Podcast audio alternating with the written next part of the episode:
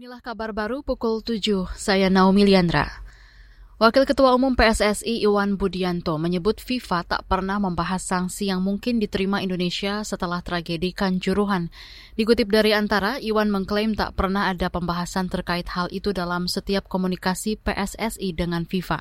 Kata dia, PSSI menghubungi FIFA sehari setelah tragedi Kanjuruhan. Presiden FIFA Gianni Infantino bahkan meminta nomor telepon Presiden Joko Widodo untuk menyampaikan bela sungkawa secara langsung. FIFA menurut Iwan justru menawarkan bantuan untuk perbaikan sepak bola Indonesia.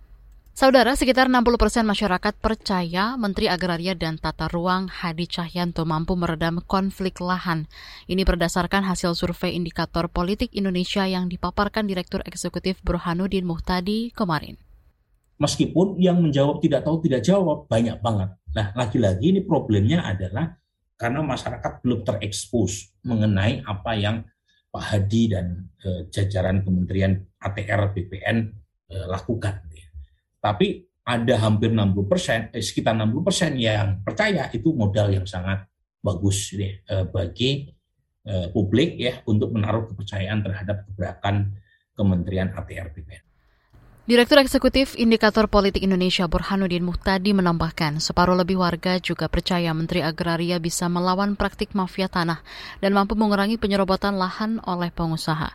Survei Indikator Politik Indonesia digelar pada pertengahan September 2022 lalu dengan total responden sebanyak 1.200 orang.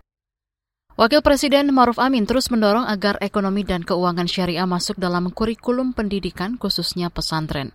Tujuannya agar pemahaman tentang ekonomi syariah bisa dibangun sejak dini. Pemberdayaan ekonomi syariah berbasis pesantren yang telah berjalan perlu terus kita majukan. Selain dapat meningkatkan pasokan pangan dan komoditas nasional, ekonomi pesantren juga mampu menembus pasar ekspor. Oleh karenanya pesantren di seluruh pelosok negeri harus terus kita dorong untuk menggalakkan kegiatan dan pembelajaran di bidang ekonomi dan keuangan syariah di dalam kurikulumnya. Wakil Presiden Maruf Amin menambahkan penguatan ekonomi syariah bakal mendukung stabilitas nasional.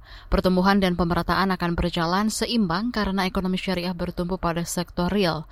Selain itu, dana sosial syariah seperti zakat, infak, dan sedekah bisa menjadi instrumen pemberdayaan ekonomi. Saudara, demikian kabar baru KBR. Saya Naomi Liandra.